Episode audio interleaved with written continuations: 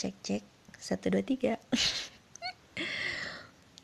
Tulisan ini dibuat tanggal 27 Desember tahun 2018 jadi beberapa tahun kebelakangan ini kata friendzone jadi sebuah ladang buat monetizing. Mulai dari tema untuk sebuah kutipan novel bahkan film.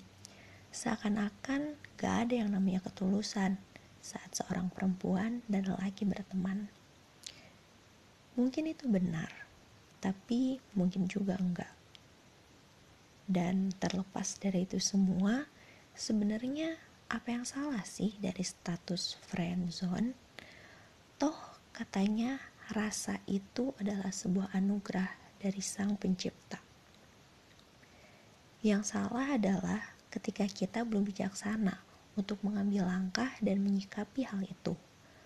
Mainannya ngasih makan ego mulu.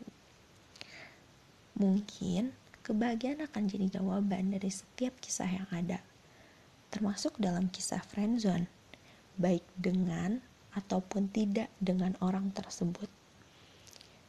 Beruntunglah kalian yang dapat menyikapinya dengan bijaksana.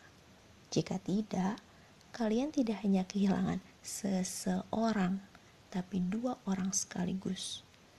Kalian gak cuma kehilangan orang yang kalian cinta, tapi juga sahabat yang berharga.